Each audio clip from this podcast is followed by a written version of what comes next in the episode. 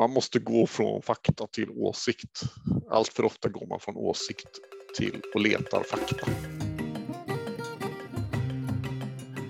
Hej och välkomna till Kornhall och Nets. Och det här är en skolpodd som eh, vi gör i samarbete med tankesmedjan Arena Idé. Och vi, det är Ingela Nets. Hej Ingela! Hej Per! Vem är du? Jag är, eh, ja, vem är jag? Det där är ju alltid en svår fråga att definiera. Jag är skolledare i själ och hjärta, jobbar just nu med verksamhetsutveckling i en liten kommun i Stockholms län eh, på del av min tid och i övrigt så jobbar jag med utbildning och processledning och eh, skolutveckling kopplat till ett eh, kanadensiskt, eh, en kanadensisk forskning helt enkelt om skolförbättring. Mm. Mm.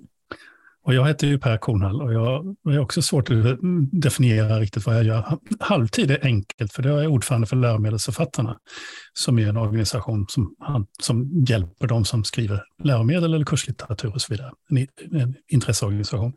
Resten av min tid så skriver jag i böcker och debatterar och jag reser runt och föreläser och jag har expertuppdrag åt EU-kommissionen via konsultföretag och så vidare. Och så vidare. Så att, eh, gemensamma nämnaren är ju en jäkla massa utbildningsfrågor och det är ju därför vi håller på med det här, du och jag Ingela. Därför mm. att vi, vi är djupt intresserade av och engagerade i skola utbildning på olika sätt. Mm. Man måste ju nästan få säga att vi är lite nördar, eller hur? I ja, dess bästa bemärkelse, för vi har väldigt svårt att släppa de här frågorna. Ja, ja. Eh, Eh, ibland till en sambo och sånt där. För, Exakt. och så. Men, men så är det. Och vi gör det här helt ideellt och det tycker vi är viktigt att säga varje gång. Vi har hjälp med teknik och lite eh, kommunikation av Arena Idé, men vi har inget som helst betalt och ingen kan betala för att få vara med i våra sändningar på något sätt. Och, så. och det är viktigt, för vi gör det här faktiskt därför att vi, vi har så pass, vi lär oss så pass mycket och vi har så pass mm. kul av att göra det här, att prata mm. med de här spännande personerna. Mm. Och idag har vi med oss en person som har spenderat många timmar i sitt liv med att titta på olika data och utreda och analysera statistik från skolsystemet på många olika sätt. Och som till vardags är utredare på Lärarförbundet, men som nu är statlig utredare och har fått i uppdrag att utreda frågan om vinster i skolan. Välkommen Johan Ernestam. Tack så mycket. Är du en Vill nörd Johan?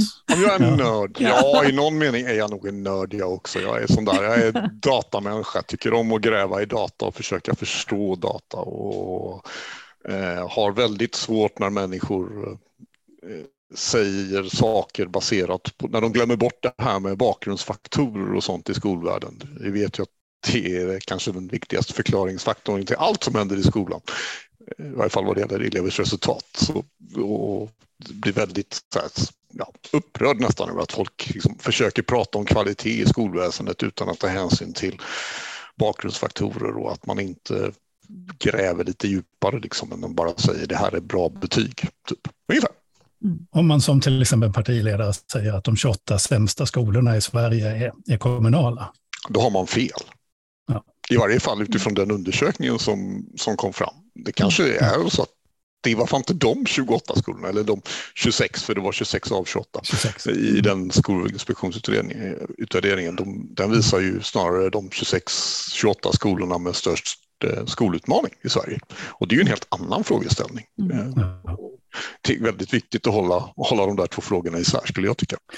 Men är så inte det här om man en... säger lögn, lögn, förbannad lögn och statistik, så vad säger du då? Alltså jag håller inte med. Eh, men statistik som är felanvänd kan ju mycket väl bli eh, lögn och något annat på köpet. Ja. Mm.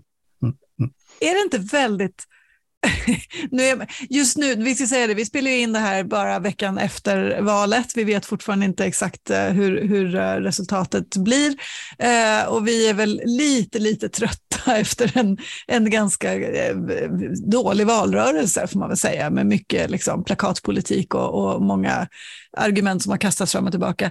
Är det inte väldigt, väldigt deprimerande då att sitta på så mycket kunskap som du gör när det liksom aldrig kommer fram? När sådana här argument kastas liksom och får så mycket plats i media? Jo, det är det. Man, man blir lite upprörd och lite sur. Du kan fråga mm. mina kollegor hur jag brukar reagera. det, det, är inte sånt jag vill ha ut i offentligheten alltid, varje gång. Eh, ibland är jag anständig, eh, men ibland kan det bli någon mer av det. Uh, uh. Jag börjar bli för irriterad på saker. Ja. Uh. Är, det här, är det här en liksom en, en, man kan ju tycka att man ser en samhällstrend och vi pratar om någon sorts amerikanisering där man liksom, i, i väldigt många sammanhang förenklar liksom in i det absurda till slut. Så det, ser du den rörelsen som har varit alltså, med liksom länge? Ja, fast det har ju alltid varit så. Alltså, politik mm. bygger ju ändå någonstans på att man förenklar och gör det. Men problemet är ju att ibland så förenklar man ju över till fördumning och faktiskt mer eller mindre säger felaktiga saker och, och, och sannolikt faktiskt i många fall mot bättre vetande till och med. Alltså det är ju det som är det, det är egentligen då det irriterar allra mest, att mm. de, borde, de borde veta någonting annat. Ändra har de exceptionellt dåliga underlag bakom sig eller så säger de saker och ting de faktiskt är medvetna om är fel. Mm. Det är så enkelt där. Mm. Vilket är kusligt. Eller ett problem i varje fall. Alltså det är ett mm. demokratiskt problem när det demokratiska samtalet faktiskt inte baseras på sanningen utan på något annat som är lite flummigt. Sådär. Mm. Mm. mm. mm. Men, men du som då ändå har väldigt lång erfarenhet av att jobba med sådana här saker, för att man skulle ju kunna tänka sig då att om man ska vara riktigt, man ska försöka tolka det hela snällt, så lyfter man upp de här frågorna då visserligen för att man ska vinna valet och sånt. Men sen när valet väl är vunnet så, så blir det en helt annan apparat som drar igång med utskottsbearbetningar och Eh, och så. Blir det bättre då, tycker du? Får du ja, alltså, samtalet alltså, bättre inne på alltså, departement och sådär? Inne på departementet skulle jag vara helt övertygad bättre. Det sällan, jag, jag, brukar inte befinna mig där och prata, men alltså, jag, jag tycker hur, hur framförallt skolvalsfrågan som emanerar Åstrands betänkande har hanterats i den offentliga debatten inte tyder på att det är mycket bättre i riksdagens utskott eh, utan den tycker jag pekar på snarare det motsatta. Alltså där, där är det ju uppenbart så att man eh, väljer att medvetet misstolka och faktiskt glömmer bort att eh, tionde kapitlet, trettionde paragrafen i skollagen inte förändras med lagförslaget. Och det, och det är ju den, den centrala meningen som handlar om att föräldrars önskemål ska vara styrande för skolplacering. Eh, allt annat ligger ju liksom vid sidan om och efter det. Och om den ska vara styrande så blir det ju rätt Ja, alltså hela bussningsdiskussionen blir helt och hållet absurd om fortfarande föräldrarnas önskemål är styrande. Och så länge den paragrafen inte ändras, vilket den inte gjorde i propositionen, vilket den inte gjorde i Åstrands utredning, så blir liksom, och, och man för liksom hela bussningsdiskussionen inklusive eh, bussning.nu eller vad den heter, den här eh, sajten som Timbro har satt upp. Så det är ju bara fullständigt fel, för de liksom struntar i att den centrala paragrafen i skollagen inte ändras. Det är klart att skulle man ta bort den skolparagrafen, då skulle man kunna börja resonera kring, kring öppna det här för någonting. Men så länge folk faktiskt får önska skola, så länge så blir det ju, blir det ju liksom, så länge det är den primära fördelningsnyckeln, så länge kommer ju liksom ingenting sånt kunna hända. Men här känns det som att, ja, jag måste bara få, det, ordet valfrihet har ju blivit liksom ett sånt här plakatord i, i debatten just kopplat till det här med, med skolvalet och eh, eventuell bussning eller inte. Som, som det är ju, alltså, vi är väl rätt många som har varit tillräckligt pålästa kring utredningar och så som har, har försökt argumentera mot det här, men det, det, det biter liksom inte. Men varför har ordet valfrihet blivit så oerhört centralt i den här diskussionen? Vad är din analys? Ja, men alltså, det får vi väl gå tillbaka till 80-tal, 80-talet när liksom satsa på dig själv, du ska göra dina egna val, dina livsval ska vara styrande. Alltså hela den ideologin var ju rätt stark då, den som satte sig i folks medvetande. Eh, och, och, problemet är ju att alltså, man, man får notera att valfrihet är ju liksom, alltså, jag har valfrihet när jag väljer vilken kaffesort jag köper. Men jag har faktiskt inte fullt ut valfrihet när jag väljer skola. Därför att det är helt och hållet beroende av vilka val andra gör. Så det är därför jag alltid mycket hellre pratar om att man önskar skola och man har önskemål om placering. Och om inga andra önskar den skolan så kommer du hamna på den skolan. Men om det däremot är för många sökande till en skola, vilket är ganska vanligt, då måste vi ha någon typ av urvalsmekanism och en urvalsgrund som liksom ska styra. Eh, och där gjorde ju Åstrand ändå en ganska bra utredning. Alltså, och, och när det gäller bussningsfrågan så är, så är ju liksom hela paketet fullständigt, alltså det är helt absurt därför att vad, de igen, vad, vad avslaget på den delen av propositionen innebär är ju egentligen att elever som bor i område A ska inte vara garanterade plats på en skola en bit bort när de behöver skolskjuts, eh, en skola C, utan de kan hamna på C, D, E och F. Um, och när Åstrandutredningen var, det var precis när det där inträffade. Eleverna i Lappkärrsberget brukade alltid komma till Gärdeskolan. Och det, här det är fel. De brukar Stockholm, inte, här i Stockholm, det här om Stockholm. Inte Gärdeskolan, de brukar alltid komma till ah, Johannesskolan eller någonting sånt. Och däremellan går det alltså en buss. Så eleverna liksom behövde sätta sig på bussen, kunde åka hem. Eh, som skolvalet ser ut idag så kan inte kommunen garantera det här. Utan de här eleverna spreds ut på en tre skolor i, eh, på Östermalm istället.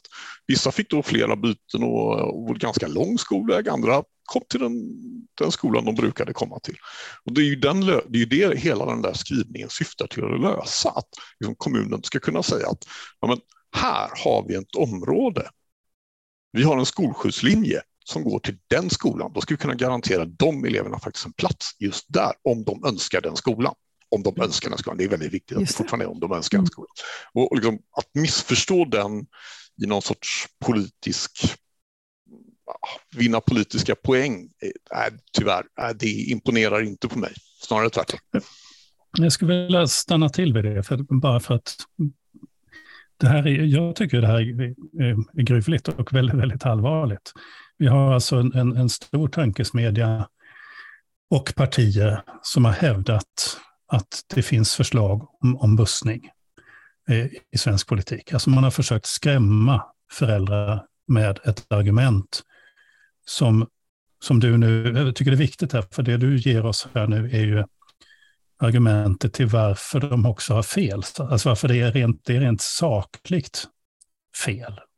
Och det måste de ju vara medvetna om. Alltså, vi har alltså stora politiska krafter i Sverige som medvetet för de, det måste vara så att de är medvetna, Bara som ett exempel att DNs ledarsida har ju påtalat för dem, till exempel flera gånger, att det här är ett osakligt argument.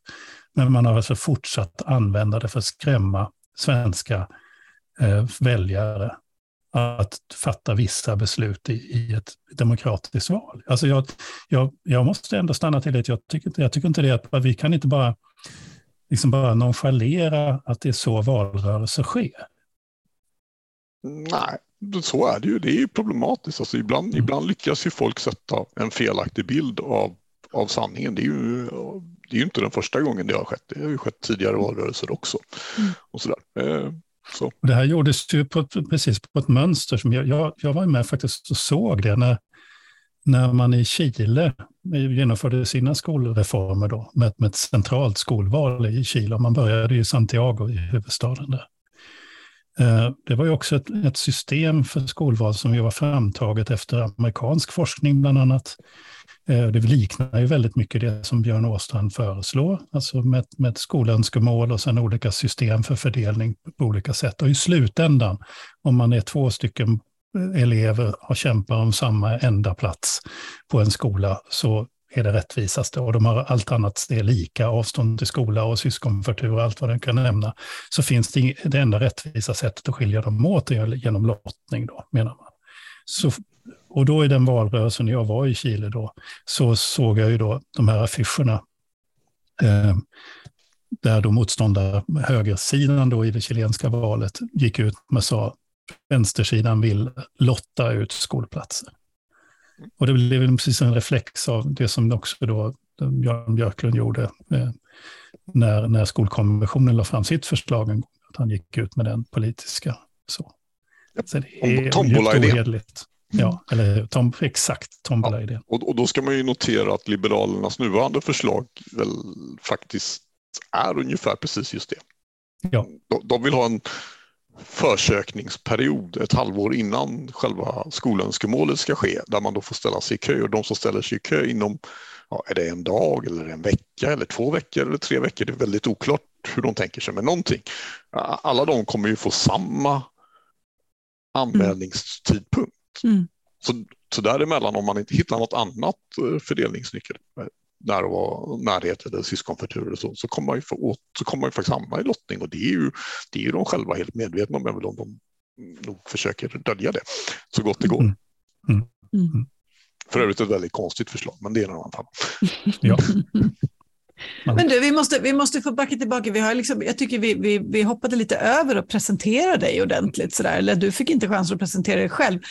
Visst är det så att din, din liksom formella titel på Lärarförbundet är att du är ekonomisk expert? Har jag rätt då? Eller? Min formella titel är att jag är utredare. Okay, okay. men du är men ekonomisk. Jag är, den, jag är den som håller... Jag, jag, brukar presentera mig själv så här att mina kollegor ska ni fråga om läroplanen och skolans inre liv. Jag är den av oss som håller på med de yttre systemfrågorna, skolval, finansiering, hela den biten. Mm. Mm. Det där med ekonomisk expert tror jag mera är, är eh, tidningarnas sätt att säga det när de vill, liksom, när, de vill att jag komplext ska, när, när, de vill att jag ska prata ekonomi. Ja, Men du, hur hamnar man, hur, hur hamnar man där? Vad har, du för, vad har du gjort tidigare? Oj, jag är i botten, eller vad det nu är, i toppen som Lisa brukar säga, eh, Lisa Hein, min kollega, eh, är jag, eh, har jag en magister i statskunskap med massa andra studier vid sidan om också. Mm. Och därutöver så var jag politiskt djur som ung och var politiskt aktiv på förhållandevis hög nivå. Eh, eh, jobbade ett antal år som ledarskribent och debattredaktör. Så jag kan ibland slänga ur mig riktigt spydiga artiklar om jag har lust. Eh, och sen så börjar man inse att hoppa runt så där och jobba tre månader i taget det är inte så spännande. Så då sökte Lärarförbundet någon utredare med, liksom, med någon sån där som kunde hålla på med sån där typen av frågor. Så då hamnade jag där för faktiskt 20 år sedan. Mm. Så skolan? Jag, varit, jag har inte varit på Lärarförbundet hela tiden. Jag, var, jag, var okay. borta, jag har varit borta några år. Men, uh -huh. men, men det var inte självklart att det var liksom skola som var fokus från början? Då, eller? Det var inte helt självklart. Nej. nej. Samtidigt nej. inser man ju att skolfrågor är väldigt intressanta och ligger någonstans i alltså, mitt i politikens nerv. Mm. Så det, det, är liksom mycket mer spännande att hålla på med skolfrågor i, som utredare på den här typen av organisationen och hålla på med andra frågor. Alltså jag, när jag varit iväg och inte varit på Lärarförbundet, då har jag varit, inte, då har jag varit utredare på andra ställen. Mm. Och då har det inte varit skolfrågor. Det, känns, det är liksom inte samma nerv, samma känsla. Det är inte riktigt lika viktigt. Det är liksom inte riktigt lika mycket i politikens centrum. Och mm. Det är ändå rätt kittlande det här att, att det här att, det här att okej, okay, jag kan bli förbannad när någon säger något konstigt om skolan i en politisk debatt, men samtidigt den finns i den politiska debatten. De andra frågorna Precis. finns inte i den politiska debatten alls. Mm. Så, så, okay. så visst, så mm. men där någonstans är min bakgrund. Mm. Mm. Och nu ska du, du är statlig utredare, men du har inte är, riktigt kommit igång är, än, eller? Jag är särskild utredare på 20 procent, mm. så det gör jag vid sidan om, eller del, mm. delvis tjänstledig och delvis jobbar vid sidan om. Eh, och men kommit igång? Jo då, det har jag. Eh, jag fick mm. min eh, första sekreterare här för några veckor sedan. Så nu har vi startat på riktigt. Fram tills det, inte finns, fram tills det fanns någon sekreterare på plats så var det ju ändå lite sådär eh, torrsim över, över helheten. Det blir ju liksom mm. när man själv jobbar 20 procent och har annat vid sidan om. Då, då hinner man inte göra rätt mycket. Man hinner tänka en del, men man hinner liksom inte, det blir inte så mycket skrivet och sånt. Men nu är vi, mm. nu är vi seriöst igång ändå. För, för det är ju så det fungerar. Det kan vara kul för folk att veta att, att den utredaren kanske jobbar på deltid men har då till sitt förfogande ofta då ett kansli. De jobbar heltid. Ja, så är det ofta. Och det kan ju vara, och det kan ju vara så att man har behöver ganska gott om kompetenser så kanske folk jobbar halvtid också för den delen. Alltså det kan finnas ett gäng sekreterare som jobbar heltid och ett gäng som jobbar halvtid och, och utredaren själv jobbar ju, är ju för det mesta förordnad på ganska lite det är ju det standardmässiga. Det är ju ett sidouppdrag mm. nästan alltid. Det finns ju ett annat undantag. Där. Så din Så roll är mer att, att liksom leda en grupp kompetenta människor som, och tala leda, om för dem vad de ska göra? och någonstans fatta beslut om vad vi mm. tycker och tänker. Det blir, liksom mm. ytterst, det blir ytterst jag som ändå bestämmer när vi, om, om de kommer komma fram till ja, men, de här två förslagen kan man gå fram till. Då blir det jag som kommer säga det ska vi välja. Mm. Det tycker jag. Mm. Sen kan vi även presentera det andra, men jag får liksom, det är ändå jag som sätter, sätter det är det här som är vårt huvudförslag. Mm. Någonstans. Det, det ingår i uppdraget. Men det handlar mycket om att leda och tänka ut vad är det för frågeställningar vi vill titta närmare på. var kan vi lära oss någonting? Vad har vi för kunskaper? Vad vet vi om det här systemet nu? Var, var finns de stora stenarna som man måste lägga mer tid på? Var kan vi hitta ganska enkla, liksom, var, var, kan vi runda ganska lätt och så där. där, där ligger ju mitt jobb i huvudsak. Mm.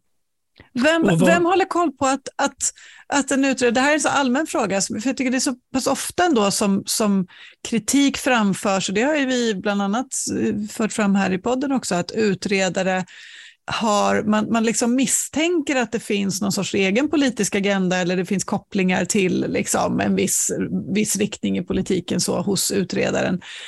Um, vem, vem granskar att du liksom förhåller dig objektivt i ditt uppdrag?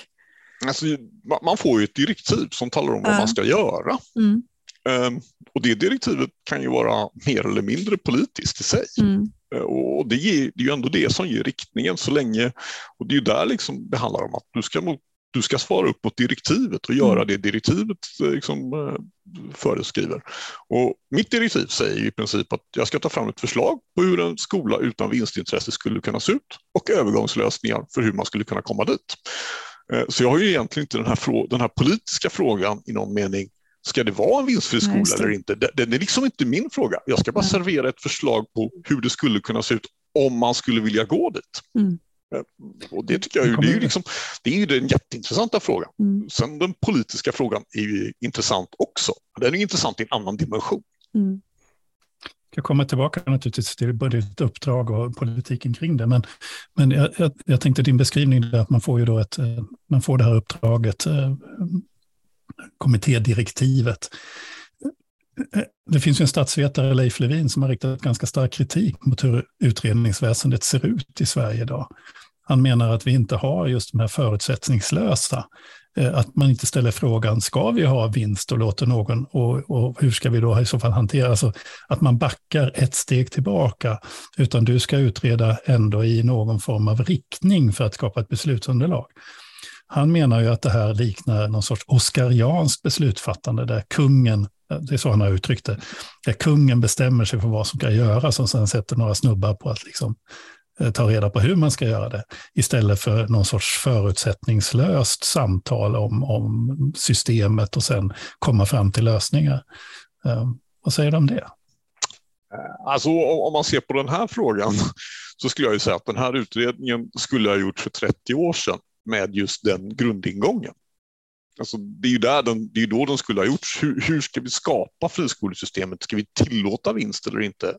Och om vi ska det, utifrån vilka kriterier ska vi tillåta det? Det är ju liksom en fråga som borde ha gjorts 92 mm. och inte idag.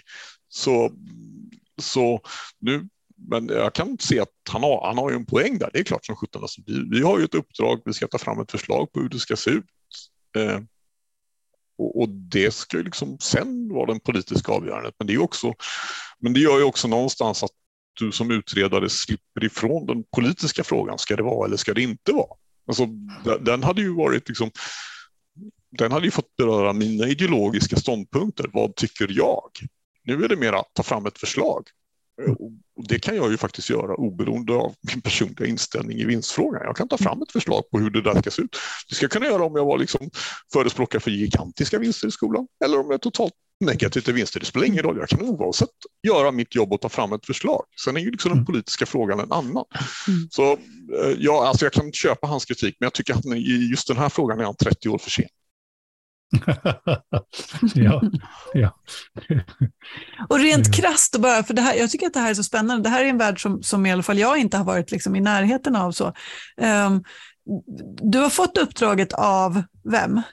Av regeringen. Av regeringen. Den regering som, som, som, Den regering som uh, sannolikt uh, inte kommer att vara om en månad. Ja. Uh, som det men, ser ut just nu i varje fall. Ja. Får väl se vad men räkning säger. Uh, uppdraget, kan, kan en ny regering välja sig nej, vi tar bort det här uppdraget, vi drar tillbaka det?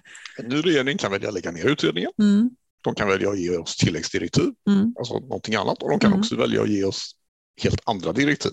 Mm. Eh, och, naturligtvis en fjärde är att en helt ny regering kan låta oss fortsätta på det spår vi är. Ja. Eh, det är väl det, den minst sannolika vägen om det blir en regering med Kristersson som ordförande, som, som statsminister, mm. skulle jag säga. Mm.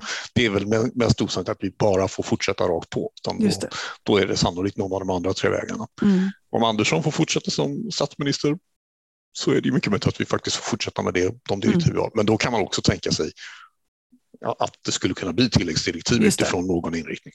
Mm. Men det, det, är ju frågor som ligger i ja, en, en, framtida skolminister, en framtida utbildningsminister och ytterst en framtida statsministers hand. Liksom. Det, är, mm. det är så där. För att då gå tillbaka till ditt argument skulle man kunna säga att det finns alltså en risk för att det som inte utreddes för 30 år sedan inte utreds nu heller. Eh, ja, naturligtvis utifrån... Mm. Mm. mm. Så är det. Mm. Ja.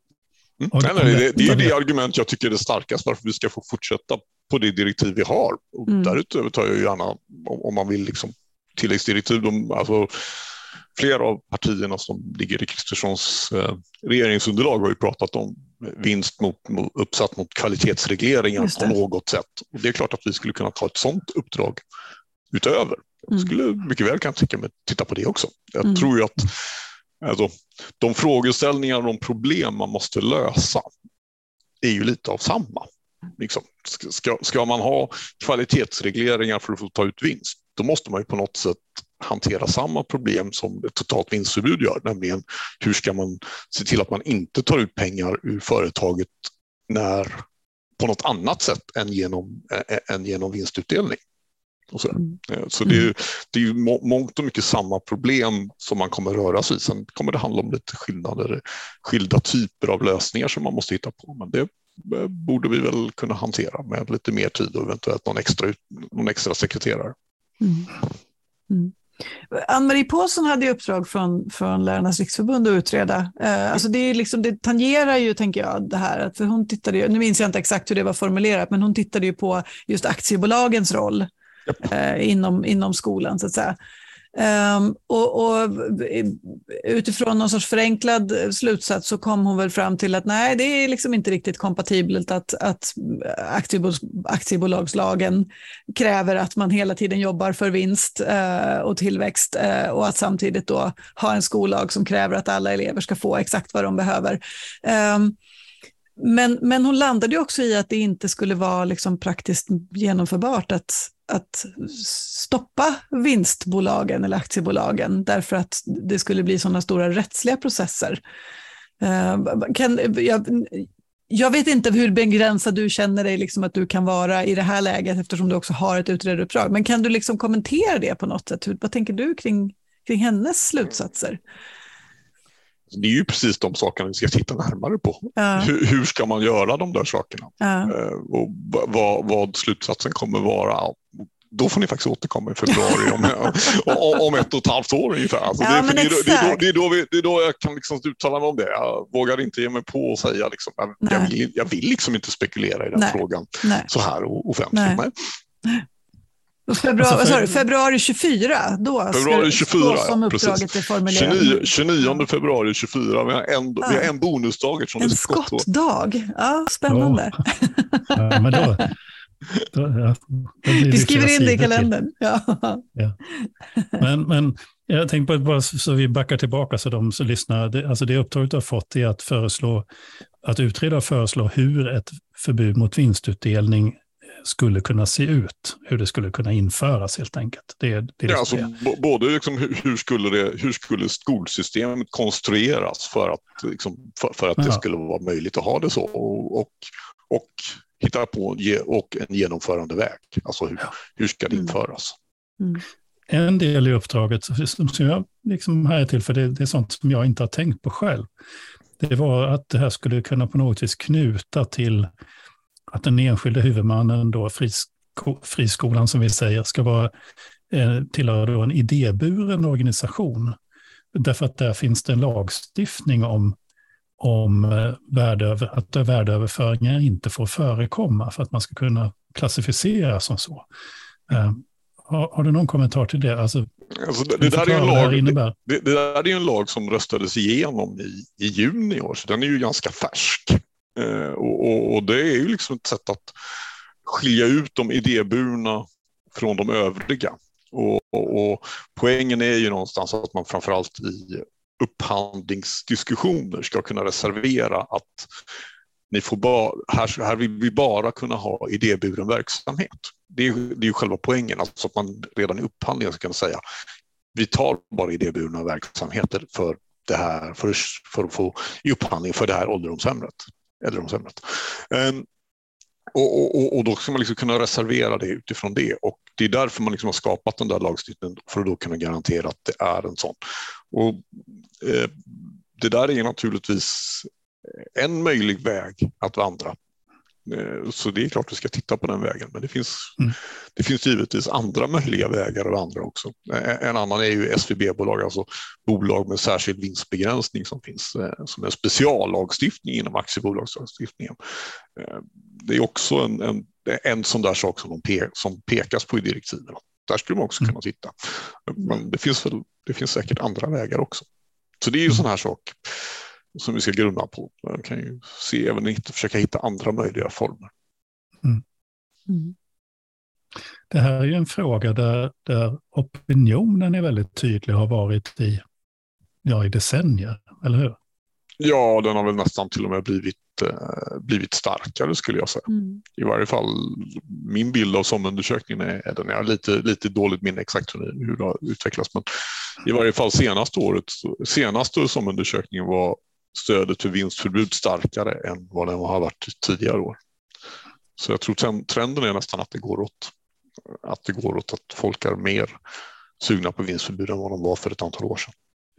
Och det gäller vad jag förstår också alla partiers eh, väljare. Ja, alltså det, valen som kom här, som jag tittade på idag eller igår var det kanske, eh, visar ju det att i alla partier så är det faktiskt majoritet för vinstförbud. Eh, där har de mätt på en femgradig skala med eh, och alla partier låg så att säga på vinstförbudssidan på den femgradiga skalan där man mm. antagligen svarar mycket emot till eh, inte alls emot. Alltså. Men alla, då hamnar alla partier på det. Så mm. även, om, även om man kan se att det finns en tydlig höger-vänster vänster-höger dimension som Sören Holmberg alltid påpekar att det, brukar, att det ska heta. Eh, i, i den så är det ändå så att även, även de partierna som står längst till höger, även bland dem är majoriteten av väljarna för ett vinstförbud. Mm. Mm. Det, här, det här är ju en sån här liksom 10 000 kronors fråga. Jag vet att jag ställt den förut. Alltså, man, man tänker sig ju att, att, att politiken på något vis, det är, det är folkvalda politiker, de, de liksom borde vara ganska lyhörda för eh, vad väljarna tycker och vad deras väljare tycker och liksom den allmänna opinionen. Men i den här frågan så är det ju rätt många som, som verkar vara fullständigt döva. Eh, vad beror det på? Alltså I min värld så finns det frågor som svingar väljare och frågor som inte svingar väljare. I frågor som svingar väljare så måste man vara väldigt lyhörd mot väljarna. I frågor som inte är sådana att de liksom är så core, så djupt i hjärtat att liksom få dem att byta, byta ställning måste man inte vara riktigt lika lyhörd. Och jag okay. skulle uppfatta att det här är en fråga som folk tycker, men de tycker inte att den är så viktig att, det den, att den skulle påverka deras partival. Jag mm. tror att det är där du har förklaringen, att det liksom mm. är, ja, vi tycker så. Eh, mm. Men jag tycker eh, energipolitiken, brott och straff och skattepolitiken är mycket viktigare, så det är de som styr mitt, mitt politiska val. Mm. Det, det, är min, i och för sig amatörmässiga, men ändå min gissning.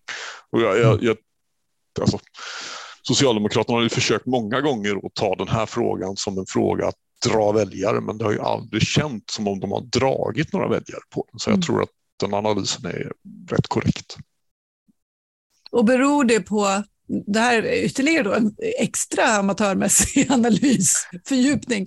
Kan det bero på att vi, alltså alla, i princip alla har ju någon sorts egen relation till skola och man, man många av väljarna har liksom barn som, som går i skola och, och man märker kanske inte särskilt stor skillnad mellan om barnen går på en vinstdrivande eh, liksom aktiebolagsskola eller i en kommunal skola på på skolnivå, liksom, i klassrummet, i vad de möter. För det är ju ofta det vi pratar om, att det är liksom systemnivån som, som det skaver på, men, men i klassrummet så är kanske inte skillnaderna jättestora. Därför att lärarna drivs av samma uppdrag och samma liksom, engagemang och passion. Och, Så. Du märker det mest på att du har lite fler klasskamrater. Ja, just Ska det. du tjäna, ska du tjäna Ja. pengar så, så är det, ju, äh, det är ju det du tjänar pengar på om man ska Ja. vara lite krass. Alltså, Det Ja. finns ju små pengar att hämta på några ställen, Mm. men den stora pengen ligger ju att stoppa i två eller tre elever mer i klassen. Just det. Och det är ju det, och det, är det, det, är ju det du tjänar några pengar på. Alltså. Mm. Eh, Mm. Eh, och, det gör väl att så länge det är liksom fungerande verksamhet och någonstans elever som funkar och det liksom inte blir jobbigt i klassrummet så är det inget jätte, jätteproblem för den enskilda eleven och Mm. den enskilda familjen. Eh, Men, men samtidigt vet vi att även de föräldrar som har barn på fristående skolor de tycker ju är högre, de är ju för, alltså de är i lägre grad än andra föräldrar för vinstförbud. Men de är ju tveklöst för ett vinstförbud. Det är ju liksom Mm. ingenting att snacka om, även där är Nej. majoriteten tveklöst för. Mm.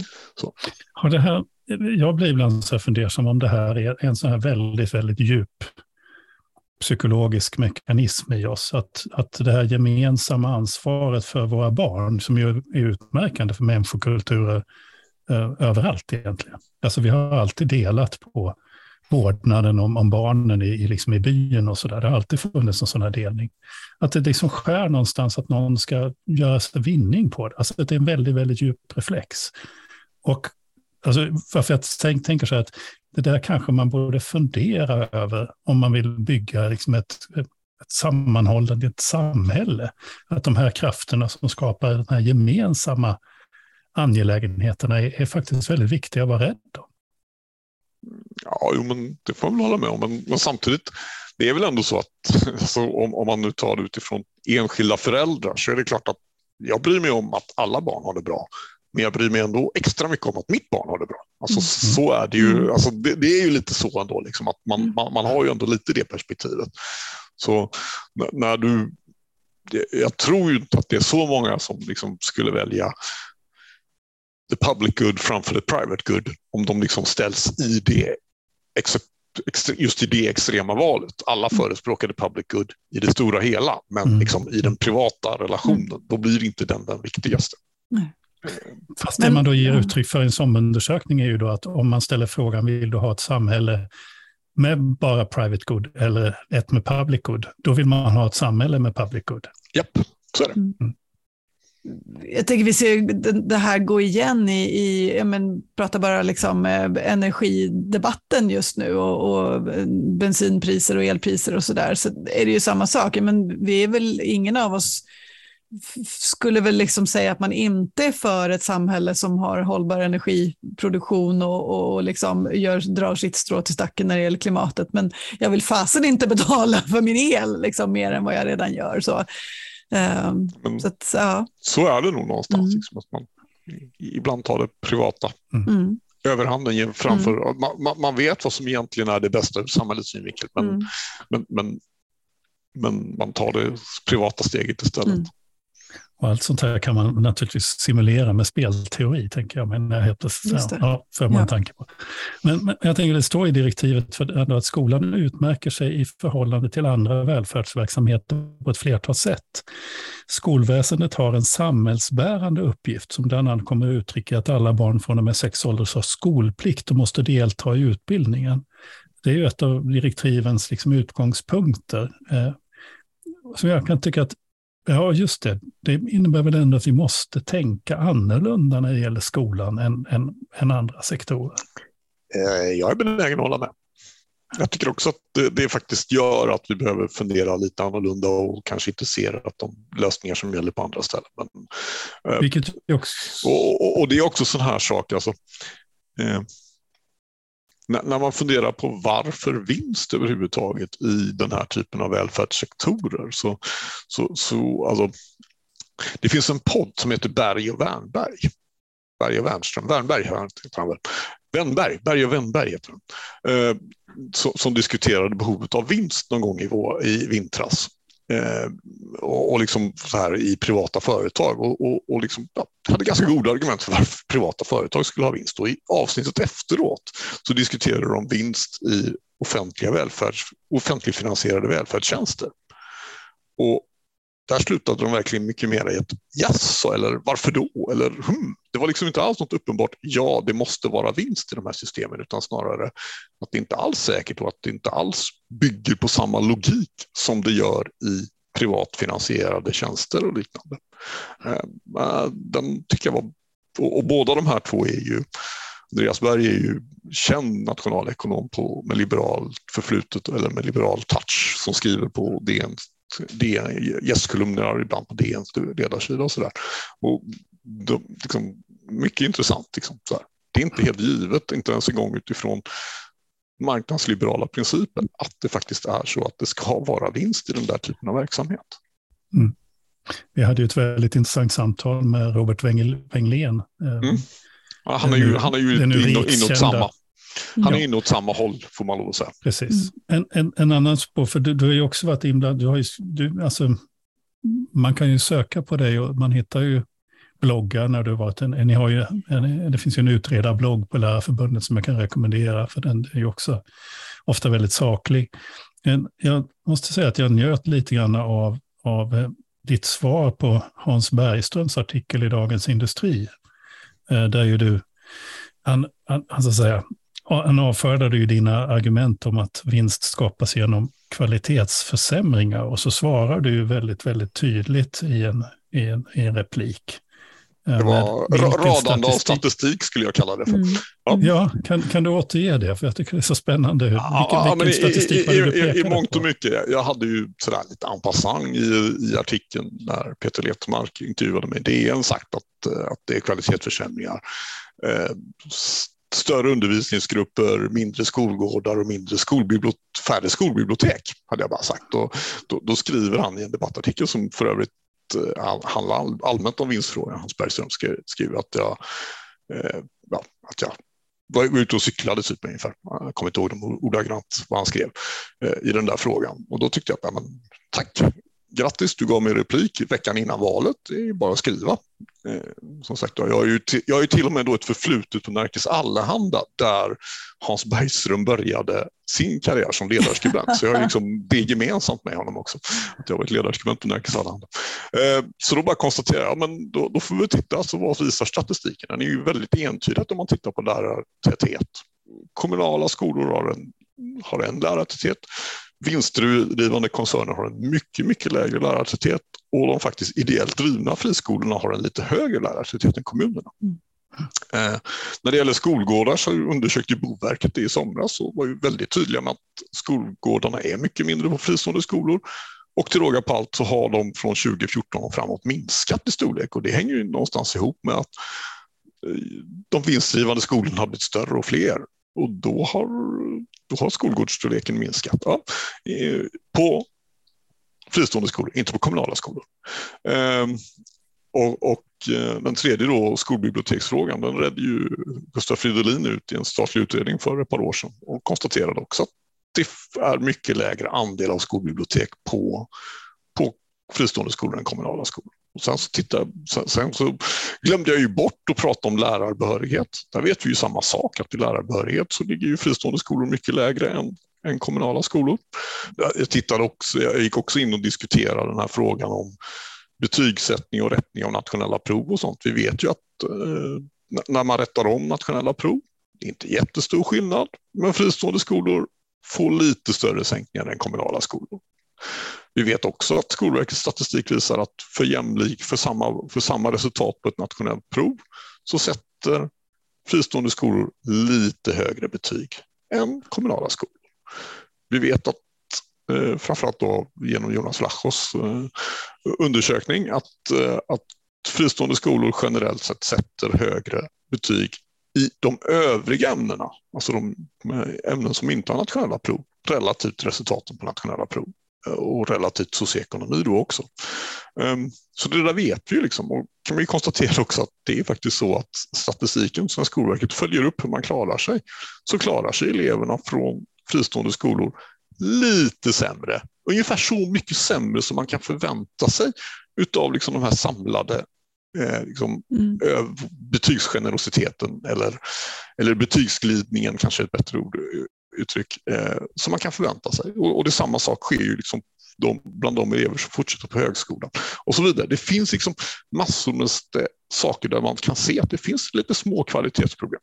Sen kan man tycka att de kvalitetsproblemen är små, inte så viktiga, inte så intressanta. Visst, men eh, det tycker inte jag. Jag tycker framförallt inte att om det sker på bekostnad av att om det skapas genom att någon faktiskt tar ut vinst, alltså att man därigenom liksom vill, man helt enkelt hämtar hem de där pengarna och gör ett sämre jobb. Äsch, då är det faktiskt någonting som är fel i systemet. Mm. Så att man ser egentligen på ett svar på din fråga, du sa att, Ingela, du sa att man märker inte så stor skillnad. Och det. Jag tror att nog att det subjektivt kan stämma, men mm. om man tittar på statistiken så får man alltså man får lite fler, barnet får lite fler klasskamrater Eh, de får lärare som är lite sämre betalda, lärare som är lite sämre utbildade. Man får ungefär hälften så stor skolgård per elev. Man får ungefär hälften, det vet vi inte riktigt, men vi kan gissa någonstans hälften så ofta ett skolbibliotek, tillgång till skolbibliotek. Eh, det enda man egentligen får då det är ett oförtjänt högre betyg. Typ. Och faktum är, jag, må, åh, jag måste berätta en sak för dig Per. Eh, så eh, ett av mina barn kom hem, så jag har två barn som går på gymnasiet, de har träffat gamla klasskamrater och en av dem går på en, någon fri, och då hade de träffat en gammal klasskamrat och han hade då liksom pratat om skolböcker. Och just att på hans skola, en fristående skola av något slag i Stockholmstrakten, hade de inga skolböcker, utan de blev istället uppmanade att fota läromedlen med sina mobiltelefoner, vilket ju handlar om att de då kommer runt liksom de här copyright-grejerna mm. eftersom det inte är skolan själv som kopierar, så då kan de ju säga att ja, men, eleverna har fotat utan, att, eh, utan någonting.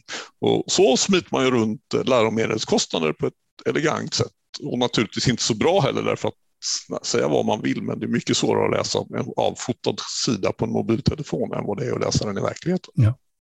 Nu blev jag ju, nu gav ju med att, att jag skulle bli intresserad. Då, då sätter jag på mig läromedelsförfattarordförandehatten och, och blir väldigt, väldigt upprörd. Därför att det är dessutom så att, att den, den premiss som du angav, att man kommer runt, är felaktig. Ja, eh, det vill säga att de avtal som skolan eh, har rätt att kopiera gäller också elevkopiering.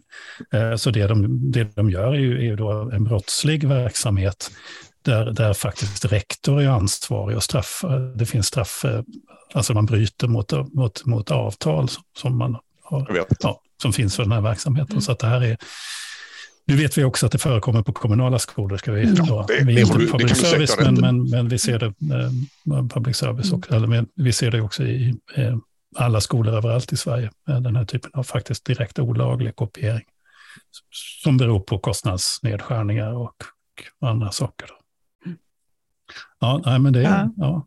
Ja, men jag, jag tänker din, din eh, uppräkning Johan här av, av de här liksom konkreta, den, den, faktiska statistik som, som vi ju ändå, någonstans måste vi bestämma oss för att den typen av av liksom, eh, metastatistik som innehåller väldigt mycket data. Vi måste, vi måste lita på att den faktiskt ger oss en sann bild av hur det ser ut på systemnivå. Det är väl precis det här som blir liksom det stora dilemmat, i, i, alltså det pedagogiska dilemmat i att förklara det här också. Att, att för den enskilda eleven eller för, för den enskilda vårdnadshavaren så kanske man gör en jämförelse mellan friskolan A och kommunala skolan B som ligger i ungefär samma liksom, avstånd från hemmet. Och, och den lilla jämförelsen kommer kanske inte peka så tydligt på de här sakerna som det blir Nej, när man tittar på för, liksom, för finns andra data. Faktorer som, det finns andra faktorer. Exakt. Så, exakt. Visst är det så. Mm. Samtidigt ska man ju komma ihåg att eh, alltså, i långtidsutredningen så kommer man ju fram till någonstans att fristående skolor, när man justerar för alla möjliga faktorer man kan mm. hitta, presterar 0,08 standardavvikelse bättre. Mm. Vilket ju är lite, lite grann, men lite bättre. Mm. Eh, men, men, och jag hade sagt att jag skulle tveklöst säga att fristående skolor är bättre om vi hade haft ett tombola-system. Alltså att ja, eleverna verkligen lottades ut mm. över, för de här, alla de här statistiska metoderna bygger ju ändå på att det, det liksom är inte finns några sådana här skillnader som uppstår som, som vi inte kan se. Och, och, det skulle vi inte ha om vi hade en tombola-metod, men nu har vi inte det, utan nu har vi att man själv ansöker och därtill mm. kötid. Så jag, jag skulle liksom på, på ganska groda grunder förmoda att det är så att eleverna som går på fristående skolor har lite mer studieintresserade föräldrar i genomsnitt, är lite mer studieintresserade själva och i familjer till och med det finns till och med i, i långtidsutredningen så till och med här gnuggar de lite på om det inte är så att man kan se att elever som så att säga, har bättre förutsättningar i en familj är de som går på fristående skolor kontra de elever som, går i samma familj, som bor i samma familj som har lite sämre förutsättningar. Mm. Att de liksom verkligen kan se det. Så min ganska eh, säkra förmodan är att den, den lilla, lilla, lilla skillnaden vi ser beror inte på mycket bättre kvalitet utan det beror mera på bias i vilka som går på skolorna. Mm. Och att det enda sättet de skulle kunna övertyga mig om att det inte är det, det vore att de faktiskt körde tombola-system rakt av och lottade ut och gav folk platser. Då, och de fortfarande mm. skulle prestera bättre. Ja, då hade jag kunnat tro mm. det. Men nu är jag mm. rätt övertygad om att det mm. är den där lilla, lilla, de där, de där små sakerna som liksom urvalssystem och att man själv ansöker. Att det verkligen handlar om det. Eh, där det finns någonting i det. Det finns garanterat liksom det här med studieintresse, studiemotivation och sånt. Mm. Man, det är familjer som prioriterar utbildning lite, lite högre. Hur ser du med det kopplat till att Riksrevisionen menar att skolpengssystemet missgynnar de kommunala eleverna? Nej, men alltså, så är det ju tveklöst. Alltså, det, det, konsekvensen är ju, att, är, är ju att man har ett system Alltså, skolpeng har ett, gör ju att skolor som, där du plockar in väldigt många elever kommer vara överkompenserade och skolor där du inte kan ta in lika, lika många elever kommer underkompenserade. Det blir liksom konsekvensen av, av, av systemet. Du sätter liksom att du snittar på att säga att det ska vara 25 elever i varje klass, då går en klass runt. Har du 22 elever så går den back. Har du 28 elever så går du plus ett antal hundratusen. Det är liksom så, så, systemet är mer eller mindre uppbyggt. Och om du då har ett antal huvudmän så att säga, som just kör 28-30 elever i, i klassen och kommunen, men kommunen fortfarande måste ha med 25, 20, både ha 25 och 26 och 23 och 22 elever, så kommer naturligtvis alltid finnas ett antal kommunala skolor. Det är precis samma, det är samma konstaterande som Åstrand i mångt och mycket gör. Alltså, det är precis samma beräkning. Däremot finns det en annan sak som var jättespännande i Riksrevisionens eh, eh, analys och det var ju att de hittade att de elever som gick tillbaka ganska snabbt till kommunala skolor från fristående skolor, att socioekonomiskt, alltså de som kommer från låg socioekonomi, där var så att säga andelen som gick tillbaka mycket större än i övriga grupper. Och det är också någonting som skulle jag misstänka kunna tänka, alltså, liksom, då är det kanske så att man liksom lyckas fånga en del elever som börjar men som känner att det här är inte en skola för mig och går tillbaka. Och de är liksom antagligen fler bland de svagaste. Och det skulle också kunna förklara de där 0,08 standardavvikelserna. Mm. Och där, blir man, där öppnar man ju ett fönster till en hel eh, sociologisk studie, hur de här har upplevt sin skolupplevelse på, i de olika skolorna. Och, oh ja. ja så det är, mm. Där finns ju också, jag tycker det finns, där man kan dra kopplingar till eh, Göran Nygrens forskning som vi hade i podden här före sommaren också, där han, han har tittat på en kommunal och en, en fristående skola med, som, som verkligen har högpresterande elever och hög status och, och rykte om sig. Liksom, där, där, där han ju också konstaterar att det stora jobbet görs ju hemma. Och då är det ju viktigt att man har föräldrar som är lite mer intresserade av skola och bildning och kunskap. Liksom, och, ja, och gärna ha lite kunskaper. Det, ja, det, det, gör ingen, det gör ingenting om man har pluggat lite matte när man Nej. har barn som går natur. Det Nej, underlättar både för dem själva och för dig. Ja. Typ. Eller att man själv är lärare. Så det, ja, ja. Den är inte så dum den heller. Du som farfar är mattelärare. Ja. Du som borde ha en känsla för det, för hur ser lärarfackföreningarna, fortfarande är de ju två skolledare och sånt där på ditt uppdrag, har du fått några signaler om? Alltså, Sveriges lärare har ju, har ju fattat beslut i vinstfrågan och de har ju fattat beslutet att eh, de vill se ett vinstförbud. Eh, och eh, det var ju LRs, har ju varit LRs klassiska linje. Eh, medan Lärarförbundet har ju aldrig liksom egentligen sagt vinstförbud. Lärarförbundet har ju mer pratat om finansieringssystemet och hur man så att säga ska hantera frågan om överkompensation. Den liksom varit mer i fokus för Lärarförbundet istället för vinstförbud. Så svaret är väl att eh, i, i den nya skepnaden, vilket ju ändå är så vi försöker agera så mångt och mycket under mm. hösten, är ju att, eh, är ju att ja, det är bra att det där ska utredas och vi vill gärna se det genomfört. Mm. Men det är ju liksom i, det, i den nya politiska hållningen som Sveriges lärare har. Mm. Tack. Men, vad, vad ska, det, är, det är ju roligt att spekulera. Um, om, om vi leker, leker med tanken att man faktiskt inför ett vinstförbud, alltså vad skulle, vad skulle rent konkret hända? Vi har ju hört de här stora liksom, koncernerna eh, lite grann och, och deras, eh, såhär, de som, som lobbar för deras, för deras väl och ve eh, argumentera med att liksom, hundratusentals barn skulle liksom, kastas ut från sina skolor och, och så vidare, att man skulle slå igen helt enkelt. Kan, kan, du se någonting liksom framför dig? Jag förstår ju att det här inte skulle ske från liksom en fredag till en måndag, utan det är en lång process. Men försvinner hela liksom meningen att driva friskola för Academedia eller Engelska skolan om man inte får ta ut vinst? Det får du fråga dem om. Det vet inte jag. Och det kommer de aldrig svara på. Nej, jag vet. Men, men, men alltså, det är klart som sjutton att, att, att någonstans uh, går det att hitta lösningar på det. Mm. Uh, och, och får vi fortsätta med den här utredningen så kommer vi komma med ett förslag på hur man löser mm. det där mm. i februari 2024. det, är det som är det tråkiga svaret när du börjar fråga vad, vad, vad, vad säger du om det här problemet utifrån det här? Ja, men kom tillbaka februari ja. 2024, då har vi ett svar. Men vi kommer nog inte, jag kommer nog inte prata om det förrän eh, första mars 2024 eftersom, eftersom överlämningen, om den blir av som det står i papperna, så det sker den 29 februari. En, en väldigt, väldigt välbetald eh, eh vd för en skolkoncern eh, frågade mig en gång efter, han bjöd mig på lunch och han ville nog att vi skulle göra något liksom, gemensamt utspel i någon fråga eller något sånt där. Det, det brukar vara så det fungerar. Men, men samtalet ledde ju till att, att vi kanske inte var så mycket överens. Och han tittade mig, lutade sig fram över bordet. Vad vill du att jag ska göra? Då ska jag göra om det till en stiftelse alltihopa. Ja, sa jag, det är en rätt så bra idé. om du nu tycker att det här med utbildning är så viktigt och era aktieägare är så jävla snälla, så ja, men varför inte göra om alltihopa till en snäll organisation rakt av, så att säga. Eh, ja, mm. skämt åsido, det var liksom det var, det var mitt svar. Där. Eh, en, en, fråga, för vi kanske ska avrunda, jag vet inte. Mm. Eh, men en fråga och som jag antar att det är ett givet svar på, men du har ändå 20 års erfarenhet av att läsa skolstatistik och följa de här frågorna. Evidens i beslutsfattande om skolan. Hur ser du på det? jag, jag, skulle kalla det för cherry picking. Alltså man väljer den evidens som passar det man vill. Att det samtidigt kan finnas evidens som pekar åt ett annat håll Eh, det bekymrar man sig inte om. Alltså man, man är väldigt, jag skulle tycka att man är väldigt selektiv i vad man väljer för evidens. Det är så det är. Mm.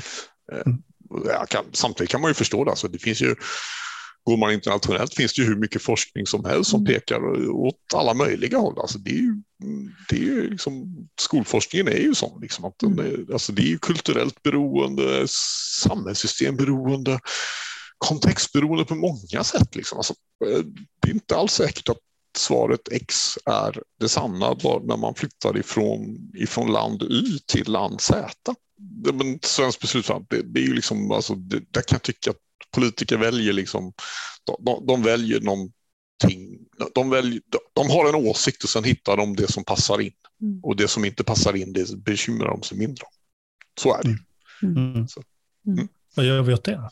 Ja du, det är en bra fråga. Du får väl ändra hela det demokratiska systemet. Nej, jag vet inte. Jag, alltså, jag har väldigt, det, det är väl liksom just det där att politiker måste någonstans känna att de har ett ansvar att ta in all fakta istället för att bara leta, istället för att bestämma en å. Alltså, man, man, måste göra tvärtom egentligen. Man måste gå från fakta till åsikt. Allt för ofta går man från åsikt till och letar fakta. Mm. Mm. Alltså, man har ofta bestämt sig på förhand så vet man mm. vilken fakta är det som passar in. Istället för att se att eh, om jag ser till hela faktan så kanske det inte var så sant som jag trodde. Och där skulle man då kanske behöva lite sådana här stora breda parlamentariska utredningar? Ja, alltså, alltså visst skulle det vara, inte vara så dumt med lite fler stora breda politiska utredningar istället för istället för eh, sådana här små särskilda utredare som får tänka på en fråga i taget. Samtidigt är det väl så att ska man komma på lösningar på just enskilda problem, då, är det, det kanske, då, är, då har de särskilda utredarna en viss roll att spela ändå. Men ibland kanske man skulle... Mm. samtidigt är det ju så där att eh, så, i, ibland blir ju politiska utredningar också liksom lite låsta i att man har sin agenda. Alltså jag, jag, kan ju tycka att friskolekommittén är någon sån här kompromissgrej mittemellan allting mm. mm. som inte riktigt passar någonstans. Eh, sådär. Alltså det, det, så det finns ett problem även med den där typen mm. av utredningar. Absolut. Eh, så. Ja, det är, det är, stora frågor, det är svåra mm. frågor. Mm. Och vi, vi, vi lovar på heder och samvete att vi, eh, vi ringer dig där i början av mars 2024. Ja, Om, om, om, om, vi finns kvar. Ja, precis. precis. Ja, Vi får hoppas det, för det är ja. ändå kunskapsunderlag som vi ska ja, alltså Jag tycker det, det, bara, själva, bara själva frågeställningen är ju intellektuellt spännande. Mm. Hur skulle ett sådant mm. system kunna se ut? Mm. Hur skulle, hur, mm. vad, vad, skulle krävas? Mm. Vad, vad, skulle behöva hända med dagens uh, aktörer? Mm. Det är jätteintressanta frågor bara i sig. Mm. Som intellektuell utmaning så är det ju spännande oavsett liksom, mm. vad som kommer ut i slutändan. Mm. Ja. Och, det är lite och som sagt, mm. det är saker som borde ha utretts innan man sjösatte ett system. Ja, visst är det så. Det är tveklöst så. Alltså, mm. det, det, finns ju... Eh, vi kan väl lugnt säga att jag tror... Alltså, det var någon som tittade på det där. Hur mycket forskning, hur, mycket utreddes det här? Och det är ju bara att konstatera mm. det finns ju inga utredningar. Det finns ju ingenting. Mm. Det, det, mest, det bästa som finns är väl den där OECD-rapporten som du bland annat var med och grävde fram. Men den är ju inte någonting gjord i det svenska utredningsväsendet. Den är ju mer liksom, har ni tänkt på de här faktorerna? Mm. Det var ju liksom, den, ja. var ju nästan en, den är ju nästan en öppning till de här sakerna borde ni utreda innan ni går vidare. Det, snälla, det är egentligen så den ser ut. lite. Ja, ja. Ja, det var ju Mattias Samuelsson som, som ja, han jobbar väl på departementet nu och var LO-utredare då.